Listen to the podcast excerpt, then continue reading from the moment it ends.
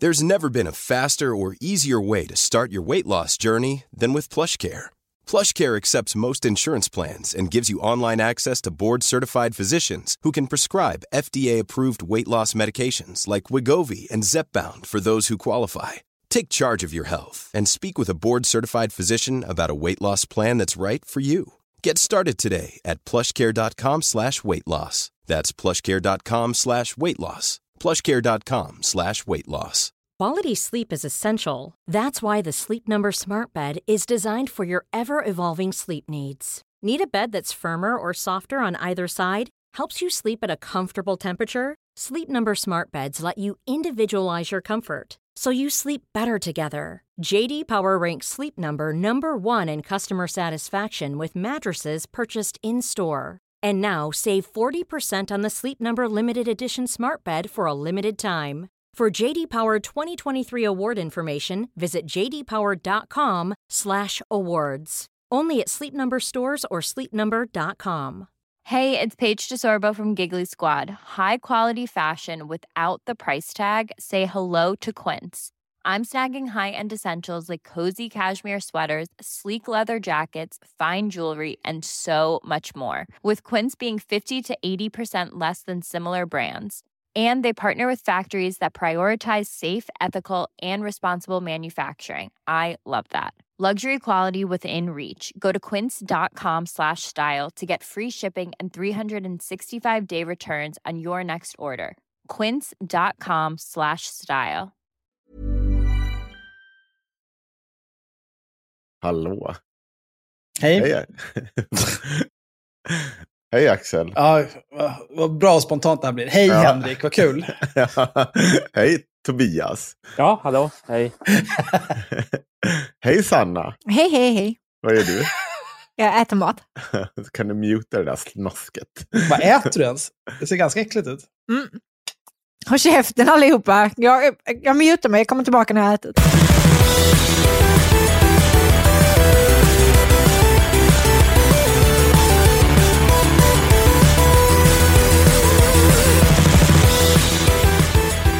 Eh, vad kul det ska ha. Ska du berätta varför vi är här, Axel? Varför ska jag... Ja, vi är här för att idag har vi en gäst. Tobias Hübinette. Mm. Välkommen Tobias. Tack. Ja, jag utgår ifrån att du har förberett en strålande introduktion här, Henrik. Eftersom Ja. det här är ju... Ja, lite Ja, har jag. Eh, vilken tur. Jag kan... Slipper vi skämmas. ja, jag är inte det. Jag har bara i huvudet. Men jag kan säga så här. Eh, jag har ju eh, vandrat i din skugga, eh, Tobias, under snart tio år. Det är jag och Axel som var med och startade i det. Ja, just det. Nej, jag men bara visst. dummare för varje gång jag säger det. Okej. vi, har, vi helt enkelt gav upp en dag på alla som sa att Axel var med och startade IRM. Så nu, nu är det så bara. Vi har Mm. bara gett upp.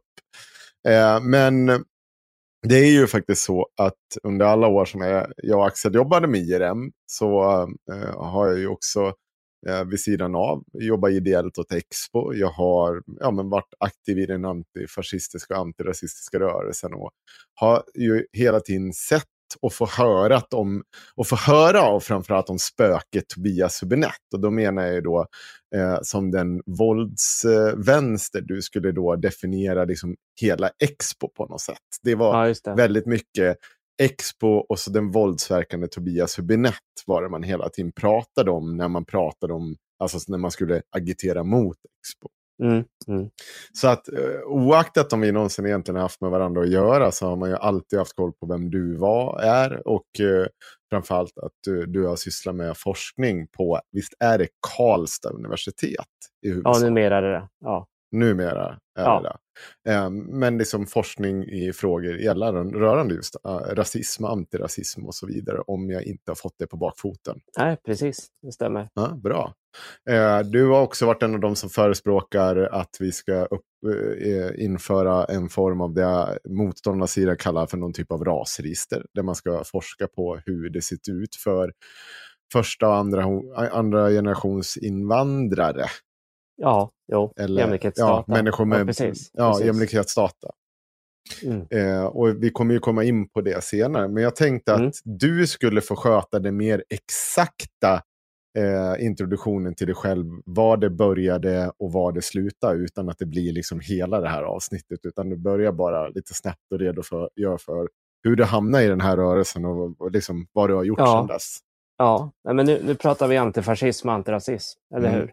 Och vänstern kan man säga. Då. Så, och, och det är väl det vi Mm. alla har gemensamt då, som, som eh, sitter här just nu Mm. och pratar med varandra. Eh, och det är helt korrekt att vi har liksom sprungit om varandra eller sprungit på varandra inom den, den världen, då, vare sig liksom fysiskt eller digitalt under ganska Mm. många år. Så jag vet ju såklart vilka ni är också. Och vi har väl titt som tätt, eller ibland haft kontakt med varandra också genom Ja. åren.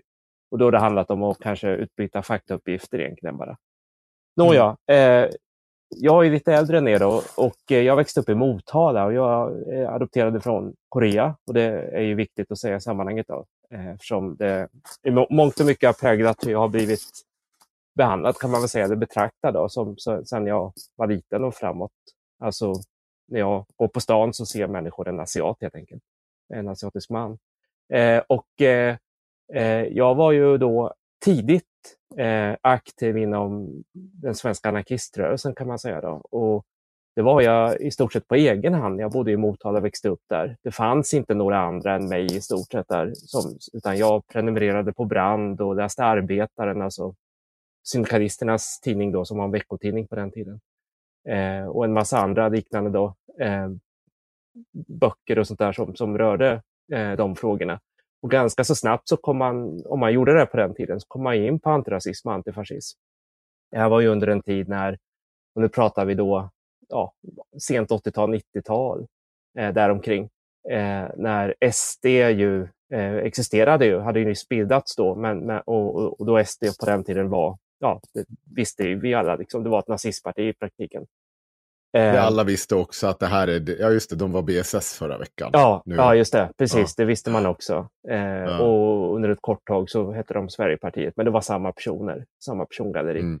Eh, sen flyttade jag till Uppsala då, eh, i början på 90-talet och började studera där. Och där kom jag i kontakt med, där, det är en stor stad då, så där fanns det ju många anarkister och syndikalister och sådär. Och det här var ju under en tid när AFA växte fram.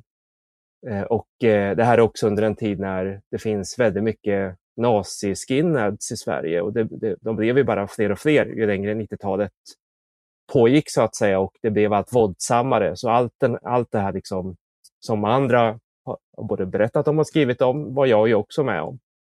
Eh, och jag var då eh, väldigt aktiv i just Uppsala under ja, början, mitten på 90-talet i de här sammanhangen. Då. Eh, kartlade nazister, eh, ja så.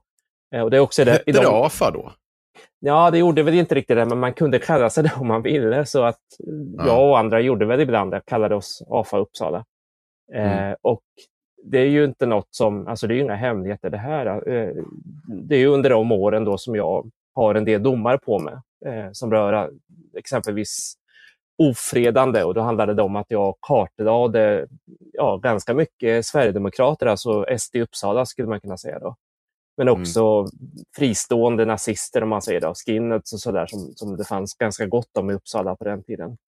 Eh, och eh, skickade hem brev till deras föräldrar. Eh, var de lite äldre så skickade jag brev till deras arbetsgivare och upplyste dem om att ja, deras antingen son eller dotter, för det var ju en del kvinnor också, eller deras eh, anställda då hade de här åsikterna. Eh, och det dömdes jag för exempelvis då. Och det är Mm. inget som jag liksom vill dölja på något sätt. Eh, och sen lite senare så eh, blev det ju så att jag kom i kontakt med Stig Larsson. Jag kontaktade honom på egen hand. Det var så det började.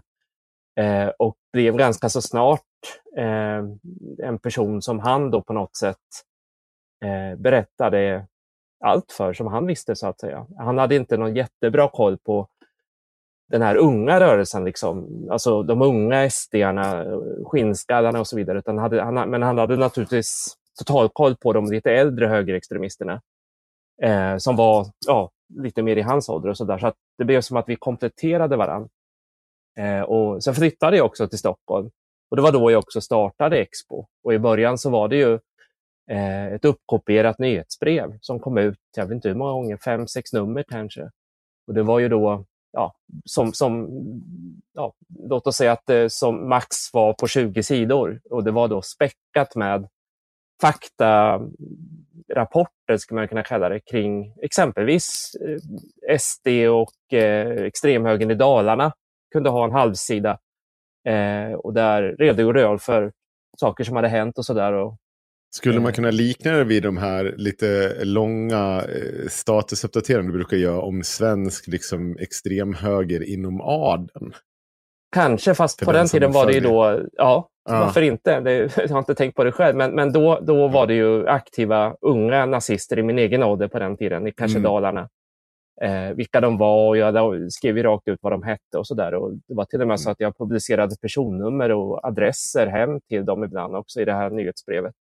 Som då var skrivet för aktiva antifascister runt om i landet och eh, som också byggde på att jag då hade skaffat mig ett slags reportörnätverk kan man säga. Jag hade en person i Dalarna då. Jag hade också personer i Västmanland, mm. i Värmland och så vidare. Som, som på den tiden ringde man ju, det var ju innan internet och sådär.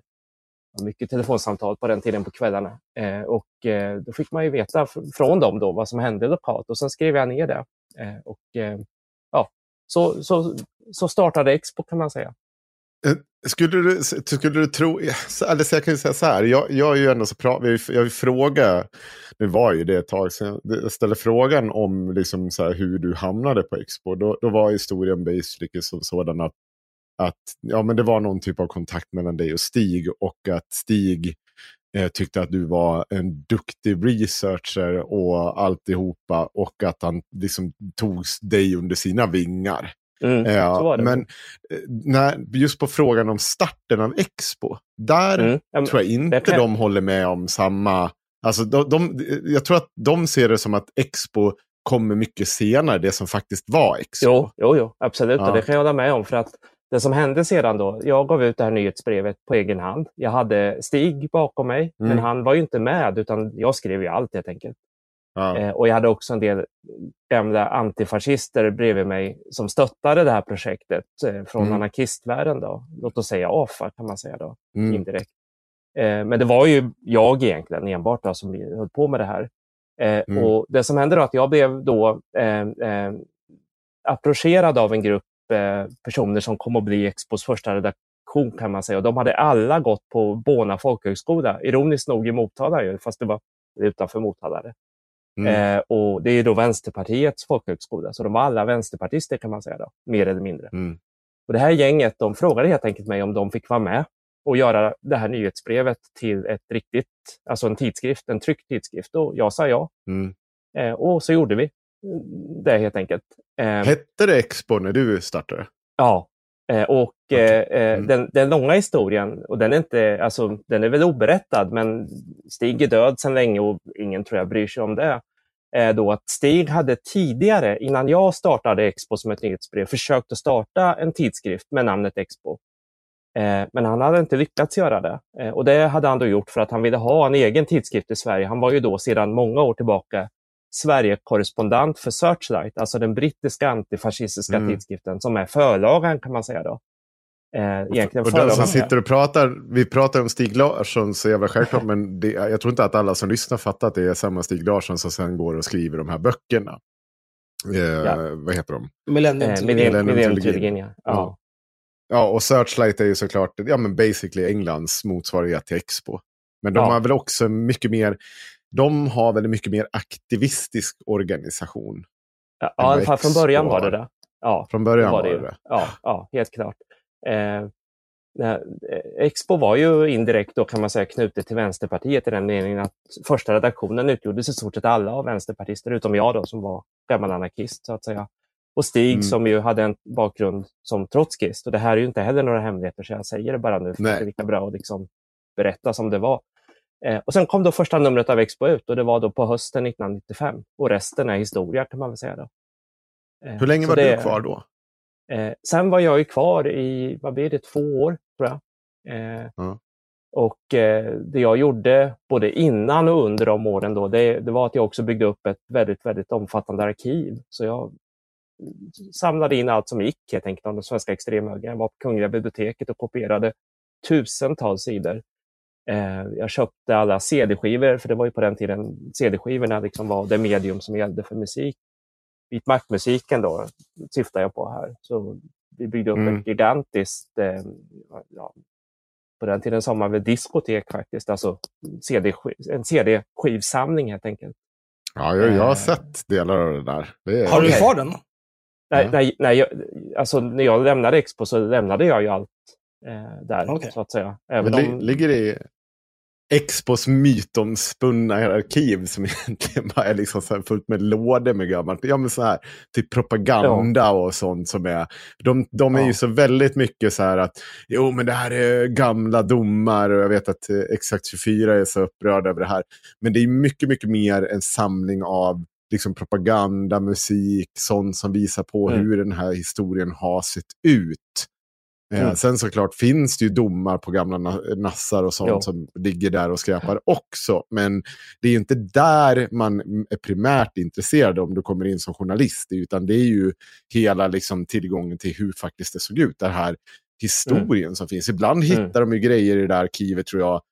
Uppfattar jag som att man faktiskt har själv har lite glömt bort. Som Mm, man kan koppla ihop med någon nu, nuvarande Sverigedemokrat. Men Vänta, fanns inte han med i den här Precis. pro- propagandablad och så vidare? Mm. Som den där insändaren av Jimmy Åkesson ju, i, i ett Mm. eh, nyhetsbrev. Ett uppkopierat nyhetsbrev som SD Blekinge hade tror jag. Eh, Mm. Som ju dök upp eh, för några år sedan. Och det var ju från Ja. deras eget arkiv så att säga. Eh, Och sen för- var det, jag und, Ja, undrar om inte Jimmy Åkessons medlemskort, om det var där eller om det kom från annan. Som, för han har ju gått och sagt hela tiden att han gick med 95 och så visade det sig att den gick med 94 egentligen. Ja, och det beror på den där insändaren. Det var det som gick Ja. och, och, och eh, kopplade till- alltså daterade så. Eh, för det var också en sak som jag gjorde då. Jag, ja, det var liksom där jag, jag både plöjde ner mina egna pengar i, men också senare då Expos. Jag prenumererade på allt som Extremhögern gav ut helt enkelt. Och Mm. la ner tiotusentals kronor per år på det. Eh, fick ju post hela tiden. Eh, köpte varenda bok de gav ut. De hade ju många bokförlag då. De har ju många bok, eller flera bokförlag idag också och så vidare. Eh, så. Var det så Expo finansierades i början, att det var du och de här vänsterpartisterna som la era egna pengar på verksamheten? Nej, Expo finansierades under de åren jag var där genom att jag gjorde, sålde research till, ska vi kalla det, e- etablissemangsmedia, normalmedia, DN, Svenskan, SVT, Sveriges Radio, Nya Värmlandstidningen, Östgöta Korrespondenten, Dala-Demokraten och så vidare. Och genom att jag åkte land och rike runt och höll föredrag eh, om den svenska extremhögern, både historien då och eh, hur den såg ut just då. Så det var egentligen så pengarna kom in. Eh, och det var egentligen bara jag och en person till som jobbade på Expo kan jag säga också på den tiden. Eh, och och, och eh, han var den enda som egentligen hade lön. Jag hade inte lön utan jag hade något det här var ju lite som några år efter 90-talskrisen så det fanns några olika liksom, sätt för unga vuxna att få bidrag helt enkelt. Som, ja, så, det var så vi löste det. Eh, och redaktionen var ju där jag bodde. Eh, så jag bodde på Expo helt enkelt. Eh, och det är då den lägenhet som Stig Larsson, Millenniumvandringen, som, som eh, eh, ja, den här som ordnas för turister, både för svenska och utländska turister. Den går ju förbi den lägenheten då där jag bodde och där Expo var. Eh, så. Mm. Var du någonsin med på, vad fan, vad var det? Någon Fri, Fridhems, var det Fridhemsplan eller något sånt där? Eh, Ja, det var ju senare. Eh, det, var var ju, senare. det var ju där Stig också gick bort, i den Ja, trapp, trappuppgången. Ja, det var senare. ja. Och för den som inte vet hur det gick till så var det att hissen var trasig den dagen och Stig rökte ju som en, ja, ordentliga mängder cigaretter och Mm. var levde väl Det inte han. superhälsosamt. Och Ja. skulle gå upp Nej. för den där jävla trappen ända upp till takvåningen och det, då gick det åt helvete. Så var det. Så är det. Eh, men Okej, men vad gjorde du då när du slutade på Expo? Vad tog Ja. du vägen där? Jag började jobba inom media då. Eh, hamnade på Nordisk Film till slut. Men innan det så eh, var jag inhyrd och gjorde, hjälpte till att göra en massa dokumentärer och andra avslöjanden om nazister.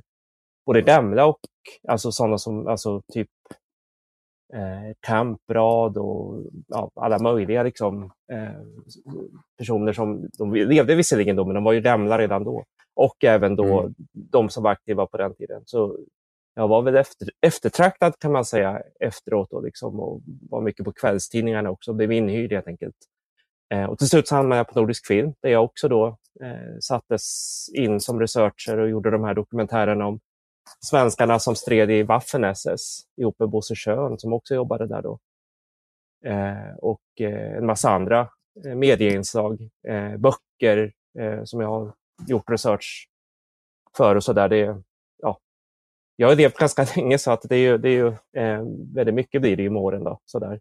Eh, och det kanske låter som att jag sitter och skryter här, liksom att jag har liksom avslöjat det, alla det de låter här. som du har en otroligt intresse, spe, specialintresse. Det är vad det låter Jag hade, som. ja, jag har väl haft det. Jag har väl Ja. haft det, eh, visst.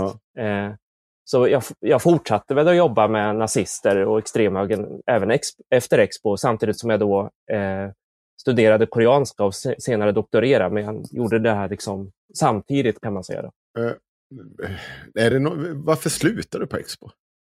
Eh, ja, det är en lång historia som är lite komplicerad, men det handlade helt enkelt om en, en konflikt som var ganska mycket en konflikt mellan mig och Stig.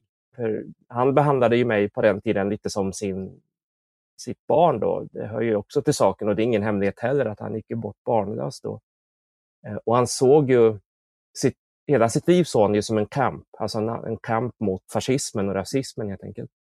Och han hade ju nästan på något sätt liksom adopterat mig. Han såg ju mig som någon sådär, som skulle, någon arvtagare då på något sätt.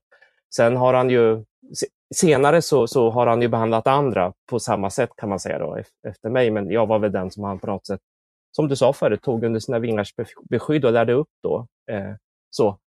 Eh, eh, och eh, när jag jobbade på Expo, då åkte jag till Korea för första gången i livet som vuxen. Eh, och det förändrade mig. Eh, jag blev liksom som en annan person och det är inte ovanligt att det blir så som adopterad.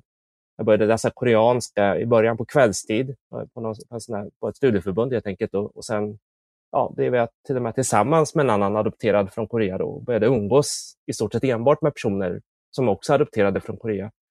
Från att tidigare enbart ha umgåtts med antifascister och vänstermänniskor. Då. Mm. Eh, och den där, det där gick liksom inte ihop. Eh, och till slut så blev det en konflikt helt enkelt. Eh, och, eh, ja, så det var, det, var så det gick till. Eh, Stig och jag Mm. fortsatte ha kontakt några år därefter. Då. Vi brukade träffas och fika och sådär. Och det var då han berättade att han höll på att skriva på den här trilogin för övrigt. Då. Mm. Han var ju en deckarfantast. Utöver att han lärde upp mig kring den svenska extremhögern så, så satte han också deckarromaner i handen på mig hela tiden, minns jag. Så, så det där var liksom något som han hade planerat, tror jag, att skriva en egen deckarserie och det blev det ju sen. Då. Ja, det är så. Mm. Eh, Vart ganska lyckad. Vad tycker du om Ja. deckare? Ja, jag läser inte det, det är inte min genre på något sätt, men jag läste det ju pliktskyldigt för att Stig han, han försökte liksom få mig att förstå att det finns deckarförfattare som är väldigt politiska och väldigt mycket åt vänster och som försöker att liksom okej. uttrycka den samhällsanalysen och nå vanligt folk, alltså nå verkligen arbetarna, vanligt folk som läser den här typen av litteratur. För det är ju den typen av litteratur då, som är väldigt så folklig om man säger det. Så, eh, jag förstod väl det till slut, men, men det var inte något som jag blev frälst av på något sätt. Eh, och det är jag inte av Nej, hans jag. böcker Ja. heller. Jag har inte läst Millennium-trilogin, men jag har sett Ja, okej. filmerna och det var inte, Okej. var inte toppen. Kan jag inte påstå. Men eh, när, när du åkte till Korea första gången, Ja. eh, hur gammal var du då? Eh, jag var ganska gammal, jag var väl 25 tror jag. Eh, första resan, runt 25. Vad var det som hände när du kom dit då? För det, Ja, du, du säger ju själv att det var en stor grej för dig. Och det, Jo, det var ju så, det. det lilla du var inne på. Ja, så till den middag grad att jag sen doktorerade i koreanska. Liksom. Eh, så det förändrade livet helt. Och som sagt, jag gifte mig med den här kvinnan då, som också var adopterad från Korea.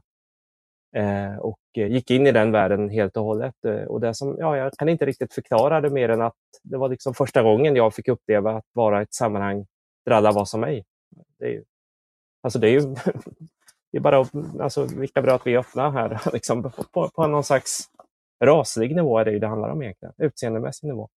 Eh, det var då någonstans som poletten trillade ner och jag förstod hur det kändes att vara vit svensk, tror jag, eller vit europé. Alltså man går runt och bara är. Alla är som en själv, alla ser ut som en själv. Det är ju inte så rakt ut idag. Liksom. Det, är- alltså Sverige, svenska befolkningen ser inte ut så längre att det går att prata så rakt, alltså rakt av, men i stort sett går det att säga att majoritetssvenskarna är ändå majoritetsbefolkningen fortfarande. Eh, Mm. och Men- rör man men också- bara i, ja, följdfrågan kommer ju, du säger är. Var du som en korean när du kom dit? Nej, absolut inte. Utan Nej. jag hade läst lite koreanska och sådär och kunde väl klara mig hjälpligt med vissa fraser och sådär. Men nej, nej, nej, nej, det är man ju inte. Och det är ju ingen Mm. adopterad som återvänder till sitt ursprungsland, vare sig det är Korea, Etiopien eller Kina och sådär. Eh, Men eh, om jag tolkar det rätt så handlade det mer om att kunna röra sig på gatan och, Ja, och vara det- helt anonym. Ja, fullständigt Mm. anonym. Ingen bryr sig igen. Man, ingen tittar på en. Alltså, som, som svenskar går förbi varandra, de bryr sig inte i varandra. Alltså, eller, jag vet inte hur jag ska uttrycka det, men, men ja, Nej, man, man bara, jag man bara är en nobody på stan. En nobody på stan liksom. Men Eh. Fanns det någon, eh, när du växte upp i Motala, fanns det någon annan än du i området där du växte upp som inte var etnisk svensk? Nej, knappt. Min syster, lilla syster är från Korea också, men i övrigt var det ju fullständigt homogent skulle jag säga. Eh, Det fanns en del andra adopterade i stan, då, i kommunen, men, men som man kanske såg liksom, både yngre och äldre. Men eh, i, i huvudsak var ju stan vit, om vi säger det. Och det fanns ju naturligtvis invandrare, men det var ju vita invandrare från Finland, Österrike och Tyskland och sådär. Eh, Mm. Ja. Eh, några afrikaner Jag, minns jag är född exempelvis. 79. Jaha. Okej, Nej. ja. När jag växte upp, eh, ehm, på, jag är ju uppvuxen på Söder. ja. Eh, och för er lyssnare som inte vet, min pappa kommer från Kenya. Eh, om ni inte känner till det. Det vore konstigt om ni inte gjorde det. Men oavsett. Eh, när jag växte upp så var det ju i min klass på eh, lågstadiet till och med. Ehm, då var det, I min klass var det en kille som var adopterad från Colombia. Ehm, en kille vars pappa kom från Kina. Ehm, en kille från Tunisien. Ehm, en tjej från Irak. Och säkert någonting mer. En tjej från Estland. Och sen när jag började i högstadiet, då, då började det komma mycket folk från forna Jugoslavien och så vidare också. Så att jag, jag, jag förstår vad du menar med att vara, liksom, kunna röra sig helt anonymt. Men samtidigt så tror jag att du, jag, det kanske är annorlunda om man inte bor mitt i Stockholm än idag. Jag, är tänkte, jag tänkte på det, jag tänkte, får jag en jämförelse då eh, med, med Avesta, för, för det där känner ju inte ens jag igen. Eh, och för mig var det ju i Avesta som uppväxt så var det ju basically helvitt. Jag, jag, jag, nu när ni sa det så försökte jag komma ihåg, vänta, hade jag någon person, var det någon som ens var adopterad? Och jag kan inte komma ihåg det. Eh, det fanns på skolan, eh, absolut. Sen kom ju forna Jugoslavien och hela den eh, cirkusen. Och då kom det väldigt många. Så då, och då, de kom, väldigt många av dem kom till södra Dalarna och Krylbo där jag hade liksom mormor. Så där kom jag ganska snabbt i kontakt med väldigt många. Och det blev väldigt normaliserat för mig. Men eh, tills dess så var det nog väldigt få personer det handlade om i Avesta. Mm. Eh, Jag tänkte främst på det, att för att jag har aldrig känt eh, ehm, något riktigt... Eh, eller jag har liksom aldrig känt att jag eh, inte passar in på det viset som jag tänker att man förmodligen gör om man är den enda som avviker. För det har varit så många Mm. andra som avviker på andra sätt och vis. Ja, just det. Ehm, Nej, men Men Stockholm okej, är ju inte... så- ja, Stockholm är något annat än Stockholm är Sverige. lite finare och lite bättre. Ja, ja. ja. Men okej, så du, du drar till Korea. Eh, Ja. Du får en känsla av liksom att här hör jag hemma. Och det blir en stor identitet för dig då. Koreanska. Ja, ja, och Och- framförallt alltså, att jag är... ja. Att jag är adopterad från Korea. Adopterad Ja. korean. Inte att jag är sydkorean, utan att jag är adopterad korean. Eh, och det finns ju då en rörelse bland oss adopterade från Korea i hela västvärlden. Vi är ju den största gruppen av alla adopterade i världen. Det finns en miljon adopterade på hela jorden i västvärlden då, från den så kallade tredje världen. Inklusive Va? Östeuropa. Va? Och av dem är Ja. 200 000 från Korea. Och det är den absolut största gruppen där. Sydkorea har skickat iväg barn och, och eh, kort kan man säga att det blev en industri där. Det, är- det är kort och Mm. gott vad det handlar om. Eh, det gick Det är samma sak i Kina. Chile också. Ja, fast det är mycket Var det på grund av fattigdom? Eh, I början var det ju på grund av ja, de så kallade blandbarnen, då. alltså de halvvita och halvsvarta barnen som man ville göra sig av med efter Koreakriget. Men det här är ju väldigt länge sedan. Då. Och sen ganska så fort så blev det då helkoreanska barn. Eh, och eh, det här passade som hand i handske i, i relation till vad som hände i västvärlden och då var vi inne på 68-revolutionen, då, den andra vågens feminism, kvinnorörelsen och när de västerländska kvinnorna helt enkelt vägrar att, eh, ja men de lämnar inte ifrån sig sina barn längre för, för adoption inom landet om vi säger det. Det, det, det, över en natt så blir det allt, nästan över en natt fall, så blir det accepterat att vara ensamstående ung mamma i Sverige exempelvis utan att ha en kar pappan har dragit liksom, som det händer att mm. pappa gör. Eh, det var ju de barnen som tidigare hade adopterats inom Sverige, alltså eh, helsvenska barn. Liksom. Och, eh, det här var likadant i hela västvärlden kan man säga och, och, då kom Koreabarnen in där som för att e, ersätta det behovet om man säger det. Eh, och på den vägen var det. Eh, och till slut blev det över 200 000 barn. Eh, så vi har ju då en politisk rörelse i, i hela västvärlden. Vi finns i hela västvärlden och eh, det var den som jag kastade mig in i då och var med och skapade också kan man säga då på 90-talet. och så. Men förutom då att du gifte dig med en, korean, en ja, annan eh, som hade koreansk, ja. liksom, hur, tog det, hur tog det i uttryck liksom, i eh, övrigt i ditt engagemang? Ja, jag var ju länge redaktör för en tidskrift då, som, som det är alltså världens äldsta förening för utlandsadopterade finns i Sverige och den är för oss som adopterade från Korea. Den startades mm. 1986. Och de hade tidigare då en tidskrift som jag då drev och, och, och skrev egentligen det mesta i. Eh, så det blev som ett nytt expo för mig kan man säga då. Eh, mm. Så, under många år. Eh, och jag doktorerade ju till slut på det här då. Så, på oss adopterade från Korea. Hur vi betraktas i Sydkorea idag genom ja, korean, sydkoreanska filmer dyker upp adopterade.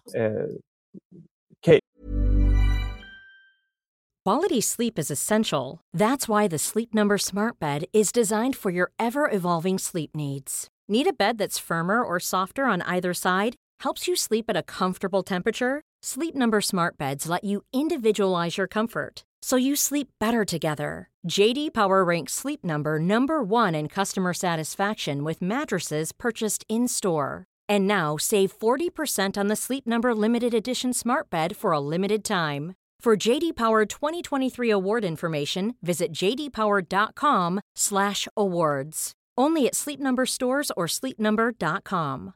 Many of us have those stubborn pounds that seem impossible to lose, no matter how good we eat or how hard we work out. My solution is PlushCare. PlushCare is a leading telehealth provider with doctors who are there for you day and night to partner with you in your weight loss journey. They can prescribe FDA-approved weight loss medications like Wagovi and Zeppound for those who qualify. Plus, they accept most insurance plans. To get started, visit plushcare.com slash weight loss. That's plushcare.com slash weight loss. Så kallade K-pop-grupper sjunger om adopterade. Det finns musikvideos där det dyker upp adopterade. Som de här banden då liksom har producerat och sådär. Eh, så det var det som jag doktorerade på till slut. Varför? Hur är synen på utlandsadopterade ja. i Sydkorea? Genom att det är så otroligt många barn som har skickats iväg så har ju väldigt många sydkoreaner någon i liksom, släkten som har adopterats bort till något land i västvärlden. Så vetskapen om att vi existerar är ju, alla vet det. Liksom.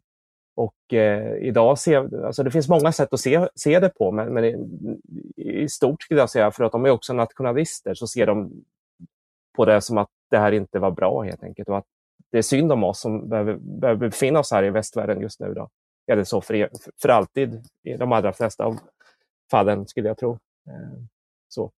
Men är det någon sån här känsla av att eh, alla som har adopterats bort borde komma hem tillbaka till Korea igen? Ja, eller? nästan. nästan. Och att vi blir utsatta för rasism och sånt här. Liksom. Så det, det, finns ju någon slags antivästerländsk nationalism. Och det här är kopplat till vänstern i Korea. Det är det som kan bli lite paradoxalt ibland. Att I såna här länder utanför västvärlden så kan ju viss, en viss typ av nationalism också kopplas till vänstern. Eh, så. Eh, Nåja, jag vet inte om det här är så intressant för era lyssnare, men, men det är liksom... Jo då. Ja. Det spelar ingen roll vad de tycker. Det, nej, vi skiter vad de det var, tycker. Det, det är intressant för oss. Okay. Skit i dem. Ja. För vi kommer, jag tycker att det är viktigt att ändå så beta igenom de här sakerna. För jag tror att din karriär går inte att... Alltså så hade jag kunnat sammanfatta den, då hade jag ju sagt någonting om det för länge sedan. Men den är ju väldigt unik inom svensk antifascism. Du har ju hållit på så jävla länge och på så, i så många olika skråer. Alltifrån just som sagt den då tidiga formen av AFA till faktiskt seriös journalistik, till adoption, till, till ja, men det som har varit uppe som man kallar egentligen rasfråga, frans, kanske Just fast det. utifrån ett antirasistiskt eh, mm, mm, perspektiv. Då. Mm. Så att jag tror att det är viktigt att ha det här med sig. Men du, du doktorerar i, i koreanska allt det där. Men det stannar ju mm. inte där. För du har ju fortsatt hållit på att doktorera och gjort grejer och härja. Berätta, vad händer efter? Vad blir jo. nästa grej du biter tag i? Ja, det är väl det här med ras och rasism då, som jag liksom börjar forska om och driva väldigt starkt. Och det är väl det jag fortfarande gör. Alltså, och, och där sticker jag ju ut då bland, bland någon slags mainstream antirasism i Sverige. Och särskilt kanske på vänsterkanten, där man inte ska prata om ras. Och jag har då omvänt sagt att vi ska prata om ras. Vi måste göra det så som Sverige ser ut idag. Och jag har gått ännu längre än så, som du sa i början då, eh, och också eh, argumenterat för att vi behöver siffror på rasojämlikheten som jag kallar det då. Utan att för den delen liksom säga att det också handlar om klass. Det är inte det det handlar om, att kasta ut klassbegreppet. Eller för den delen att det också handlar om kön, för det gör det också till stora delar. Eh, eh, så det är ju det som jag liksom höll på med då, som forskare och även debattör under väldigt många år. Och där har jag väl varit någon slags, eh, det har varit någon slags enmanskorståg kan man väl säga då för, för det här med rasbegreppet och jämlikhetsdata och såna här saker. Men jag skulle säga att de, på, de sen, på, på, senare, på senare år, och då, då är det inte jättemånga år bakåt, så har ändå fler och fler, tycker jag i alla fall, börjat lyssna på det jag försökt att säga och där jag tidigare blev ganska så rejält nedsablad, kanske med rätta, av folk på vänsterkanten och antirasister och sådär. Även, eller inte minst andra forskare. Alltså mm, antirasistiska forskare. Då. Vi, ska gå in på verkligen just den delen om eh, den typen av jämlikhetsdata. För att jag är ju inte, jag är definitivt inte oförstående för vad du är ute efter och vill ha. Sen om det är rätt eller fel, det, det kan jag inte riktigt svara på. Men jag blir väldigt irriterad på när folk springer runt och löjlar sig som att det skulle handla om att du vill eh, utreda, liksom, eller så ha någon typ av rasbiologisk eh, forskning igen. och sånt. Det, det, är så, det är som vantolkning av det hela och så ohedligt. För att det är verkligen aldrig någonting jag har sett dig tala om på det sättet. Utan det är väldigt tydligt vad det handlar om. Det handlar om att utreda hur jämlikt vårt samhälle är på olika sätt och vis. Mm. Eh, sen vet ju vi också hur den här typen av eh, forskning Precis. används eh, på, i olika länder. Och man får ju göra ett avvägande om det är rätt eller rimligt. Och gör det för att man ser att man får har mer att hämta eller om det gör mer skada än vad det gör nytta. För då kommer du kanske koka ner till att ja, men den här människan med den här klass och rasbakgrunden får inte de här möjligheterna i samhället. Då kommer den andra sidan säga nej, nej, det är på grund av att de är det där. Då blir det en annan fråga. Mm. Och då blir det ju ja, frågan det. om ja, men, ra ras, fast ur det andra mm. perspektivet. Men okej, okay. eh, men vad är, kan du ge lite exempel på vad det är liksom du har gått in på och forskat på? Eh, alltså mm. lite mer ja, konkret, förutom... Ja, ja men kan jag göra. Ja. Eh, efter avhandlingen då eh, så eh, mm. Eh, fick jag forskningsmedel ihop med en annan forskare. Då, det var ju väl egentligen en av de första studierna som just tittade på betydelsen av ras. Alltså att inte mm. vara vit helt enkelt. Och då, då var det adopterade som vi intervjuade. Och då, I den studien, då, det där projektet, så, så menade vi, och det gör jag ju fortfarande, skulle, eh, att när det gäller adopterade och till viss del också personer som dig idag, eh, Alex, som är mixade eller blandade, så, så, så, är det liksom helt rensat från andra faktorer. Eh, språkfrågan finns inte, att man kanske talar svenska med accent och brytning. Att man inte är kristen, kanske att man är muslim eller buddhist eller katolik och så, det finns inte. Eh, utan det är bara utseendet det handlar om. Eh, och därmed så, så, när man har renodlat, alltså det, det, det är den där gruppen där det är renodlat och det betyder att eh, man kan använda sig av adopterade och till viss del också mixade eller blandade personer då, för att försöka på något sätt uttala sig om hur mycket det här med utseendet eller ras betyder i Sverige idag. Så det var det jag försökte göra i den studien. Eh, Vad kom det, det var en intervjustudie. Ja, nej, men det betyder ju någonting. Och det är alldeles uppenbart ja. att folk i min, alltså fortfarande råkar jag ut för det då och då, att folk bemöter mig som att jag är något annat än det jag själv då uppfattar att jag är. Eh, så det är absolut självklart att ras, alltså utseende, skillnader också betyder något i Sverige, liksom det gör i övriga västvärlden, eller egentligen i världen i övrigt. Eh, och det blir så på något sätt eh, eh, liksom straight to the point när det gäller adopterade, för att allt annat är på något sätt rensat. Adopterade är till 100 procent som, som majoritetssvenskar, vita svenskar, förutom kroppen, utseendet. Det är det enda som skiljer. En gång i tiden lärde mig Daniel Pohl eh, på Expo det här, att rasism är egentligen en pyramid, eller inte en pyramid utan en eh, triangel bestående av tre delar. Den, det handlar om den organiserade rasismen, det handlar om attityder och det handlar om eh, just strukturell rasism. Mm. Finns det mm. någonting du skulle fylla ut det med? Nej, men det är väl ett sätt att förstå det på. Det finns ju många liksom, modeller att eh, försöka liksom, konkretisera. Man, man kan liksom, tänka på olika nivåer och det är ju en sympatisk uppdelning. Liksom. Det finns en slags vardagsrasism det finns någon ja. slags inbyggt i samhället i, i, i, sig då, när det gäller exempelvis förorterna och deras invånare som är på den mer strukturella nivån. Sen finns det ju extremhögern då, och SD och så, den nationella rörelsen. Så visst, eh, ja, det, det, den, den, modellen är inte sämre än någon annan. Eh, eh, och, och, ja, det, har inget, alltså det är inget jag, jag, jag vill argumentera vare sig för eller emot, utan det, det kan jag Nej. köpa. Nej, men det, det är som bara en, övergri en, övergripande grej för att titta ja. på rasism. Ja. För, att, för det ja. innefattar ju i princip det eh, även till exempel Sverigedemokraterna eh, försöker fiska efter. Kan det finnas rasism mot vita? Ja, det kan ju finnas det. det, i, i form av att du kan uttrycka det rasistiskt mot en vit person. Men det finns ju ingen jo. strukturell rasism. Det Nej. finns ju ingen organiserad rasism mot en vit person. Däremot Nej. kan det finnas attityder. Ja, det kan på, det vad säger man? På mikronivå säger man det på lokal nivå. Så skulle liksom, ja, ja, då skulle det kunna uppstå vissa sådana typer av strukturer. Men det är ju inte mer än där. Och det är ju inte på samhällsnivå. Det är ju inte av institutioner, det är ju inte av staten och så vidare. Nej, precis. Mm. Eh, du har ju också, alltså, för jag tänkte också, vi ska, för vi ska än en gång, vi ska tillbaka till den här rasfrågan, men jag vill också gå igenom det, för du har ju ett jävla intresse för adeln och deras... Just det. Eh, eh och, liksom ja, precis. Var, var kommer det därifrån?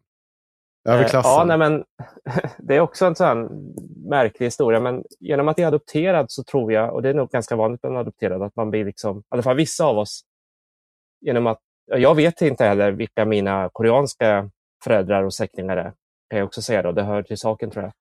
Då kan man bli ganska fixerad vid det här med blod och genetik och sånt där, för att man är liksom utanför det systemet. De allra flesta människor på jorden är ju innanför det systemet, så att säga kanske 98 procent av alla människor i Sverige vet vilka deras föräldrar är. Exempelvis. I alla fall en förälder. Och det är oftast mamman. Då. Det finns ju de som inte vet vem deras papper är. Men i stort sett alla vet ju det liksom, och är inne i något slags blodsbiologiskt genetiskt system där de träffar människor som i stort sett ser ut som de själva, mer eller mindre, liksom, och är som de själva inuti. Och så. Genom att jag inte har haft det så eh, blev jag väldigt tidigt. Jag vet redan, liksom, jag vet inte alls, när jag var barn, mellanstadiet, ganska så besatt av det här med med just överklass. För där är, det är de som har koll på det här. Då. Furstehusen i Europa och sånt där. Så jag, jag satt och ritade de här, alltså ritade upp stamtavlor, stamtavlor över Europas furstehus. Mm. Det här är anledningen till att jag säger att du inte skryter. Det här är anledningen till att du har ett specialintresse. Ja, det kanske är det. Eh, och sen då när jag då blev antifascist och började gräva i det här med vilka som hade varit nazister och extremhöger på 20, 30, 40, 50-talen och även efter kriget. Då, för det var ju en ganska överklassbetonad rörelse ända fram till skinnskallarna dök upp. Faktiskt. Eh, så eh, eh insåg jag att ja, det här går ju att slå ihop på något sätt. Så att 2002 gav jag ut en bok på Carlssons förlag eh, som helt enkelt outar ungefär 30 000 svenskar som någon gång var med i en sån här organisation på 20, 30, 40-talen. Eh, det är väldigt många och, människor. Det är no ja. chill där. Ja. ja. Och de har ju, I många fall har de ju barn och barnbarn som lever idag. Ingen knappt lever idag, men då levde ju några stycken fortfarande 2002 när den kom ut. Då. Eh, och eh, Det var ju frukten av att jag då hade åkt land och rike runt och tömt arkiven. Alltså jag har varit uppe i Norrland, jag har varit nere i Skåne, bekostat det själv också och luskat reda på gamla matriklar, alltså medlemslistor för de högerextrema partierna och organisationerna. Och det var det som jag då skrev av och outade så att säga den boken, offentliggjorde den boken.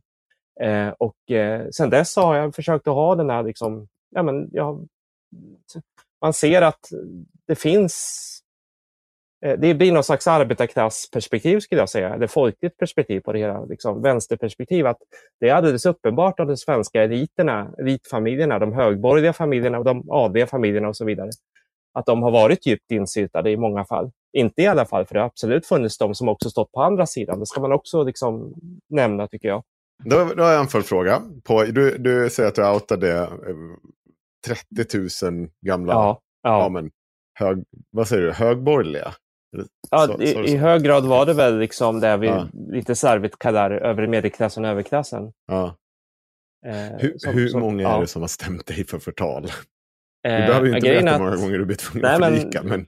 Det finns en rätt sorglig historia i det här. Eh, eh, när boken kom ut så, så levde ju en del personer. Då. Och en person som levde, eh, en, en, på den tiden en åldrad dam som med all säkerhet är död idag. Eh, hon hittade sig själv i boken, eller snarare hennes dotter hittade sig själv i boken. hittade sin mamma i boken. Eh, och mamman hade då varit med i en sån här rörelse. Eh, och dottern, som med all säkerhet lever idag, hon var och är fortfarande antagligen yrkesaktiv läkare och antirasist. Möjligen också aktiv Mm. i något parti på vänsterkanten. Eh, och eh, hon ringde mig några gånger, kommer jag ihåg, och, och pratade om det här med att jag hade gett ut den här boken och att hon hade hittat sin åld- åldrade mamma. Då, som, eh, och hon gick, gjorde slag i saken till slut och eh, anmälde mig. Eh, Mhm. Och då blev på något sätt, alltså nu får man väl försvara det utifrån att naturligtvis älskar de allra flesta människor både sin pappa och sin mamma och sina syskon och vad det nu kan vara. Eh, Det finns de som hatar dem också, men i det här fallet så var hon en av dem som, alltså hon tillhörde majoriteten. Så att hon valde väl på något sätt familjen före ideologin. Då. Eh, Mm. Eh, Så det här prövades hos JK faktiskt, eh, som utredde min bok, eh, men kom fram till att alltså jag blev friskriven. Jag gick fri. Mm. Eh, och, och Okej. därmed var det över kan man säga. Och det stod om det här i tidningarna på den tiden. Då. Så då var det ingen idé att anmäla Mm. mig efter det. Det fanns ett, Finns- intresse, ett allmänhetens intresse att ge ut den här boken helt enkelt. Finns det något, här, finns det några, så, vi, vi kan komma till Kamprad, för det är ju en sån där grej som alla har hört Mm. talas om. Mm. Men, men finns det Mm. några här speciella fall som du minns, som du tycker är intressant att dela med dig av? Från just den här adliga och borgerliga... Eh, Ja, nej men det är vissa familjer då som liksom verkligen sticker ut. Von Rosen, det är i och för sig känt. Hamilton. Eh, ja, adeln är ju som den är. Liksom. De är kanske 30 000 människor. De ryms i en, mellan, en liten svensk kommun allihopa. Liksom. Och, och, men de är också skiktade. Mm. Det finns högadel och det finns lågadel eller knapadel som är egentligen kan vara byggjobbare och allt möjligt. Liksom. De har inte, det är bara namnet som är kvar. Men inom högadeln sitter de ju på ofta stora tillgångar. Då. De kan äga stora företag och industrier och inte minst slott och herresäten och sånt där. Då. Eh, och det är där det någonstans betyder något. Och en del av de släkterna var rejält involverade i den här rörelsen, den politiska rörelsen, tidigare. Eh, vet, om vi tar von Rosen då. ja, Förklara hur, på vilket sätt de var eh, inblandade och Ja. varför de är liksom relevanta för ja, svenska folket. Ja, nej men det handlar framförallt om greve Erik von Rosen och hans hustru eh, och kretsen runt om, eller släkten runt om då, eh, som eh, helt enkelt eh, stod nära Hermann Göring på grund av att Hermann Göring gifte sig med en svensk kvinna som var Erik von Rosens eh, frus syster. Så det det. Det var, det, var där han land, nödlandade Ja, stämmer. på Stämmer. sånt där. Stämmer. Göring. Stämmer. Ja, det var där Ja. han Här är träffade det någon sin som svenska har fru. tittat på en hel del SVT-dokumentärer. ja. Eh, Ja. Så det är rakt in i den nazityska eliten då, om vi säger. Då. Ja. För de finns med på ganska mycket bilder kring Hitler, vet jag. Minns jag. Ja, just det. Just det. Mm. Eh, Men okej, eh, men om vi tar en person då som, eh, vad heter det, eh, vad heter han, Ingvar, Ingvar Kamprad. Hur var ja, han kopplad till, till ja, nazirörelsen? ja nej, men det är ju på två nivåer kan man säga. Då. Dels det som var känt när jag var aktiv, så att säga, och det var inte jag som grävde fram det, utan det är en eh, journalist nere i Skåne som jag inte vet om han är antagligen pensionär idag, men det är han som jag tycker ska ha cred för det, Joakim Berglund. Eh, han hittade eh, Kamprad eh, i Nysvenska rörelsens arkiv när det hade lämnats in till Riksarkivet. Och då var vi nere på början på 90-talet. Eh, det var då eh, Per Engdahl, hans rörelse kallades Nysvenska rörelsen. Man kan kalla det den svenska fasciströrelsen. Liksom. Läm han lämnade in hela sin rörelses arkiv då, innan han gick bort faktiskt till Riksarkivet. Och där fanns Kamprad med. Um, så det var ju känt då. Men, men sen hittade jag att han innan dess hade varit med i det största svenska nazistpartiet. Det som leddes av Sven-Olof Lindholm och som hade två olika namn under 30 och 40-talen. Lindholm det var ju... och... Ja, ja, precis. Vad var det mer? Ja, I början hette det, hette det partiet eh, Nationalsocialistiska arbetarepartiet och sen bytte de namn till Svensk socialistisk samling. Och Kamprad var med under båda de här namn, eh, liksom partibeteckningarna och han var väldigt aktiv eh, innan han sen på lite äldre dagar, om man säger som, som kanske 30-åring, var med i Nysvenska rörelsen, eh, som då är bara en fasciströrelse. Ehm, så han byter från nazism till fascism, man, man vill förenkla det kan man säga. Eh, och det var ju ännu mer extremt då och det var något som jag då eh, ja, gav till, eller jag jobbade tillsammans med en, en journalist som heter Thomas Sjö, Sjöberg eh, som sen skrev den här boken om kungen för övrigt då, och eh, hans älskarinnor. Eh, och som han då publicerade i en bok som han skrev om Ingvar Kamprad och sen var det också ute. Då. Så det är så jag mycket har jobbat kan man säga, att jag har jobbat ihop med andra journalister och, och sen gett dem informationen då, som, som sen har publicerats. Hur länge kan man spåra Kamprad i den typen av rörelse? Eh, eh, långt in på, alltså när Ikea då börjar liksom eh, flyga. Eh, Ikea-katalogen trycks av och hos en eh, medlem i Nysvenska rörelsen som alltså är någon slags partikamrat kan man säga till Kamprad eh, under flera års tid. Eh, och eh, eh det görs reklam för fascistiska böcker eh, i Ikea-katalogen i början faktiskt. Perfekt. Ja, så, och, eh, det är svårt att veta när Ingvar Kamprad bryter med den här fasciströrelsen, men eh, på äldre dagar, alltså ett, en av de sista tv-intervjuerna, då hyllar han ju den här ledaren, då, Per Engdahl. Eh, så på något sätt tror jag inte ränderna gick ur. Nej, nej jag, jag tänker, vi, har ju, vi hade ju eh, ett avsnitt eh, där vi tog upp en annan eh, arkivmänniska eh, som du och jag känner till, men jag tänker inte namnge. Som eh, näm- hörde, vad heter, det, vad heter han nu, eh, från Timbro. Eh, Benjamin Dosa berätta ja. hur hans pappa stod upp mot kommunismen och sånt. Och så fick han liksom bara någon jävla feeling och skickade iväg ett par förfrågningar om, om korrespondens med eh, den här morfan eller vad det var till Benjamin Dosa. Så visade det sig att han hade ju sett och svamla till, eh, vad är det, vilken kommun var det? Det var väl Saltsjöbo, var det inte? Nej, det, det, där det var som, folkomröstning om invandring. Um, Sjöbo. Sjöbo. Sjöbo, Sjöbo ja, okej. Okay. Mm. okay. Och så hade han ju sett då, Benjamin Dosas morfar hade ju då sett och skrivit till dem och det var ju liksom Hitler, Hitler, judar, judar, Hitler, Hitler. Ja, och han var ju helt ja. skadad. Ja. Och, och då, eh, och, man, och det, då sa vi ju det för att eh, Benjamin Dosa hade ju alltid, vi hade ju inte tagit upp det här, det hade ju inte varit relevant att ta upp om Benjamin Dosa om inte Benjamin Dosa gång på gång på gång på gång beskriver honom som en dubbelflykting från både kommunism och eh, fascism mm. i form av Hitler och alltså, ja, men nazismen. Och, och vi tycker, vi tycker ju att det är anmärkningsvärt att en person som är så aktiv inom liksom så här, och uttrycker de här åsikterna, att det inte skulle ha framkommit någonstans i hemmet. Och det måste ju detsamma vara Kamprad. Om han står liksom i sin sista intervju och hyllar Per Engdahl, jo. då finns det nog eh, ganska tydliga att det här har inte, liksom, de där ändarna har nog inte gått ut nej, riktigt. Nej. Så är det. Och det, det, det är svårt att tänka mig att det inte liksom uppmärksammas i olika, ja, men inom den närmsta kretsen. Men det, ja, ja. Det. Folk blir så var väl bara glada över att han kunde sluta heila offentligt kanske. ja.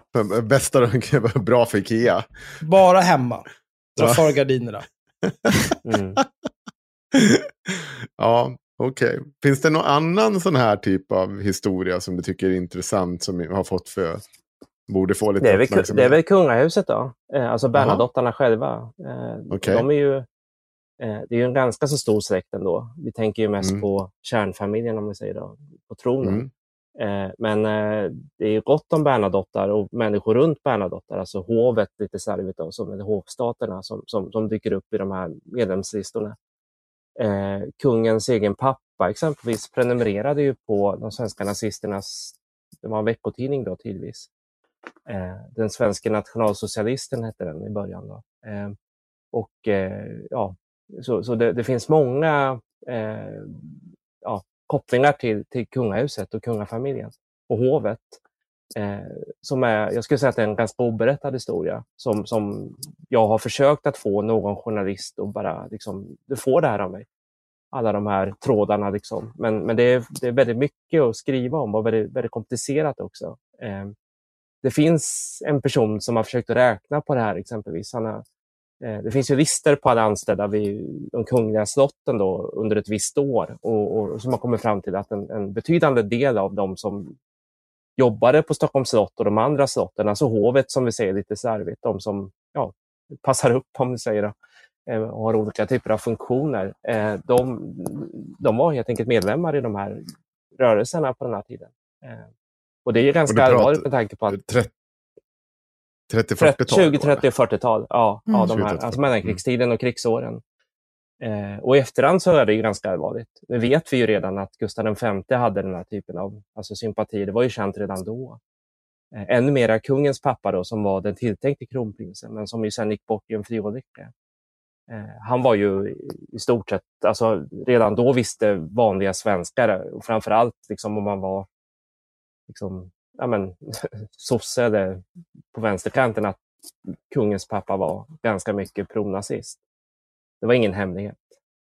Eh, kungens föräldrar gifter sig ju, alltså det är ett nazistiskt bröllop helt enkelt. Och det är innan Hitler tar makten. Och det har att göra med att kungens morfar var med i den här rörelsen i Tyskland då. Eh, och han var ju förste, han styrde över ett, ett litet hertigdöme i Tyskland. Då. Eh, så Men på vilket sätt var bröllopet nazistiskt? Eh, det, det var genomnazistiskt. Eh, kungens morfar styrde över en liten stad som sen hamnade i Östtyskland, som var den första staden, eller kommunen skulle vi säga i Sverige, som, där nazisterna kom till makten i ett, alltså i ett demokratiskt val. De vann valet där helt enkelt. Eh, och det hade mycket att göra med att försten där, alltså hertigen, han backade också upp den här rörelsen. Eh, och 1932 då, när, när våra, våran kungs föräldrar förmäls eller gifter sig med varandra, så äger det rum just i Tyskland. Eh, och eh, det är då innan Hitler har tagit makten, så det här är i Weimarrepubliken. Eh, och, och då anordnar kungens morfar helt enkelt ett eh, ståtligt bröllop på slottet såklart. Då, med hela den tyska högadeln är där, varav många redan har gått över till nazismen och kommer dit i SS-uniformer och sådär och struttar runt. Och eh, den som viger kungens föräldrar är då en präst som också är medlem i nazistpartiet. Och han gör ingen hemlighet av det. Så att, eh, och, eh, eh under, innan bröllopet, innan bröllopsparet kommer, så, så har eh, eh, kungens morfar sett till att den lokala SA-truppen då liksom har marscherat upp med facklor och grejer. Det är jättepampigt. Eh, det finns ju massor med foton på det här såklart, för det var ju ett bröllop som, alltså, hela världspressen var ju där såklart. Eh, så det här är inte Men- okänt på något sätt. Men Tobias, varför har inte du skrivit den berättelsen då? Ja, Jag kan för lite. Alltså det, det, det, det är Ja, det låter verkligen som du kan för Eh, lite. Ja, nej men någon som, ja, på sätt och vis har ju den här kunskapen portionerats ut kan man ändå säga. Eh, så. Eh, och, och jag har ju del, delta, varit en av dem som liksom har gett bort information kring det här till olika journalister och författare och även historiker. Men hela berättelsen, den är oberättad än så länge. Och, eh, det, det är ju, finns ju linjer in i vår tid. Den som tar bröllopsfotot när kungen och Silvia gifter sig är en gammal nazist. Den som viger kungen och Silvia är en gammal nazist. Liksom dö, den som döper alla, alla kungabarnen, konfirmerar kungabarnen, en gammal nazist. Eh, så det, det fortsätter in i vår tid. Eh, Jag tänk, ja, man tänker ju hur det där egentligen får... Alltså, så det är svårt också. Så, vi- vissa av de här människorna finns ju där i... Man, det blir svårt när man... Eller så här, utan att ta dem i försvar, men det är fortfarande måste man ju ta i beaktande att innan de förstår vad nazisterna sysslar med. Har man varit inblandad i liksom, judediskussionen och har man haft eh, känslor kring det, ja då är det ju definitivt. Men vi vet ju också att det finns människor där i mellankrigstiden som kanske inte hade den förståelsen. Inte var med på det tåget. Och gärna sprang och gömde sig omedelbart när det dök upp sen. Jo, visst. Eh, Så, Men- men ja, kungens- men, Ja, men här är det ju tvärtom. Och kungens morfar han grips ju när Tredje riket faller samman. Då. Eh, han, han klassas ju som krigsförbrytare. Och han dör ju egentligen i fångenskap. Eh, han hinner aldrig riktigt dömas. Eh, för han var nämligen eh, ordförande för Tyska Röda Korset under krigsåren och även under nazisttiden. Och det var Tyska Röda Korset som bland annat låg bakom eh, de här eutanasi, alltså massmordet skulle jag säga, på, på funktionsnedsatta tyskar. Alltså personer som hade ja, autistiska personer eller personer som hade, som vi skulle säga, då, utvecklingsstörning och sådär. Eh, psykiskt sjuka egentligen bara, som man på den tiden inte hade medicin till. Det var ju ett, ett massmord på, den, på, på, på, på, på de människorna som skedde innan Förintelsen, som inte är lika känt. Eh, och det var han ytterst ansvarig för, kungens morfar. Då. mm. Ja, Eh, väldigt inte. Har ni några följdfrågor på det här? Nej, jag tycker bara det är mest obehagligt att du frågar om det här bröllopet väldigt mycket nu när du sitter och planerar ditt. Eh, Jaha. För att jag, Henrik, kan jag lämna? Kommer det vara en gammal nazist som viger dig, Henrik? Jag kommer, jag kommer kommer inte komma på ditt bröllop om du ska på så här. Okej. Ja, ja. ja. Nej, men jag ska Eh. försöka göra det nazistfritt. Tack. Men jag, jag tänker på liksom alla de nassar man har haft i sin egen omgivning på något sätt. Det har ju funnits ett par stycken ändå Mm. i slutändan. Det är då bara du kanske. Nej. Alltså jag har verkligen inte det. Du bor i Skåne, Sanna. Du går inte utanför Ja. dörren och inte har nazister utanför i din omgivning. Nej, men jag umgås väl inte med dem, eller? Nej, men jag har före detta nazister i min umgängeskrets.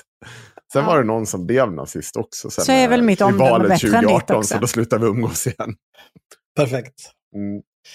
Men vi kan väl prata om lite glättigare än gamla nazister kanske. Ja. vad, vad tänker du då, Axel? Nej, men jag är intresserad av det här med eh, den här jämlikhetsdatan. Kan du inte berätta lite grann om den? Hur, vad för Ja. typ av jämlikhetsdata behöver vi? Vilka parametrar? Hur ska det mätas, jämföras och användas? Och vad kan man hoppas få ut för resultat?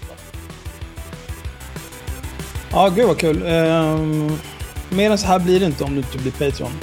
Jag orkar inte ens prata mer om det. Resten av det här avsnittet har funnits på Patreon säkert två, tre dagar. Vem vet? Det kommer också komma mer här nu under juli. Bara på Patreon. Ja, jag vet inte. Ta er samman. Jag vet inte vad jag ska säga.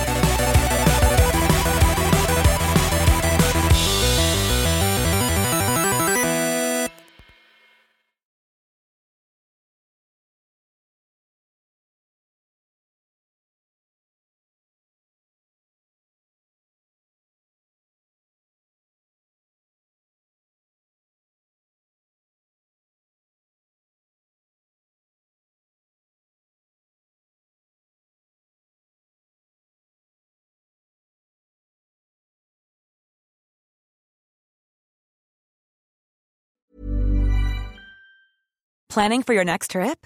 Elevate your travel style with Quince. Quince has all the jet setting essentials you'll want for your next getaway, like European linen, premium luggage options, buttery soft Italian leather bags, and so much more. And is all priced at 50 to 80% less than similar brands. Plus, Quince only works with factories that use safe and ethical manufacturing practices. Pack your bags with high-quality essentials you'll be wearing for vacations to come with Quince. Go to quince.com slash pack for free shipping and 365-day returns. Even when we're on a budget, we still deserve nice things.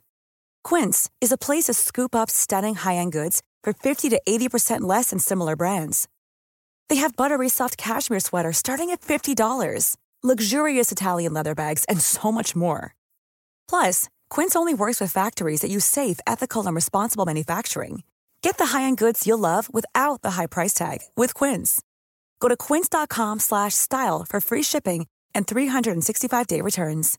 A lot can happen in the next three years. Like a chatbot may be your new best friend. But what won't change? Needing health insurance. United Healthcare Tri Term Medical Plans are available for these changing times. Underwritten by Golden Rule Insurance Company, they offer budget friendly, flexible coverage for people who are in between jobs or missed open enrollment. The plans last nearly three years in some states, with access to a nationwide network of doctors and hospitals. So, for whatever tomorrow brings, United Healthcare Tri Term Medical Plans may be for you. Learn more at uh1.com.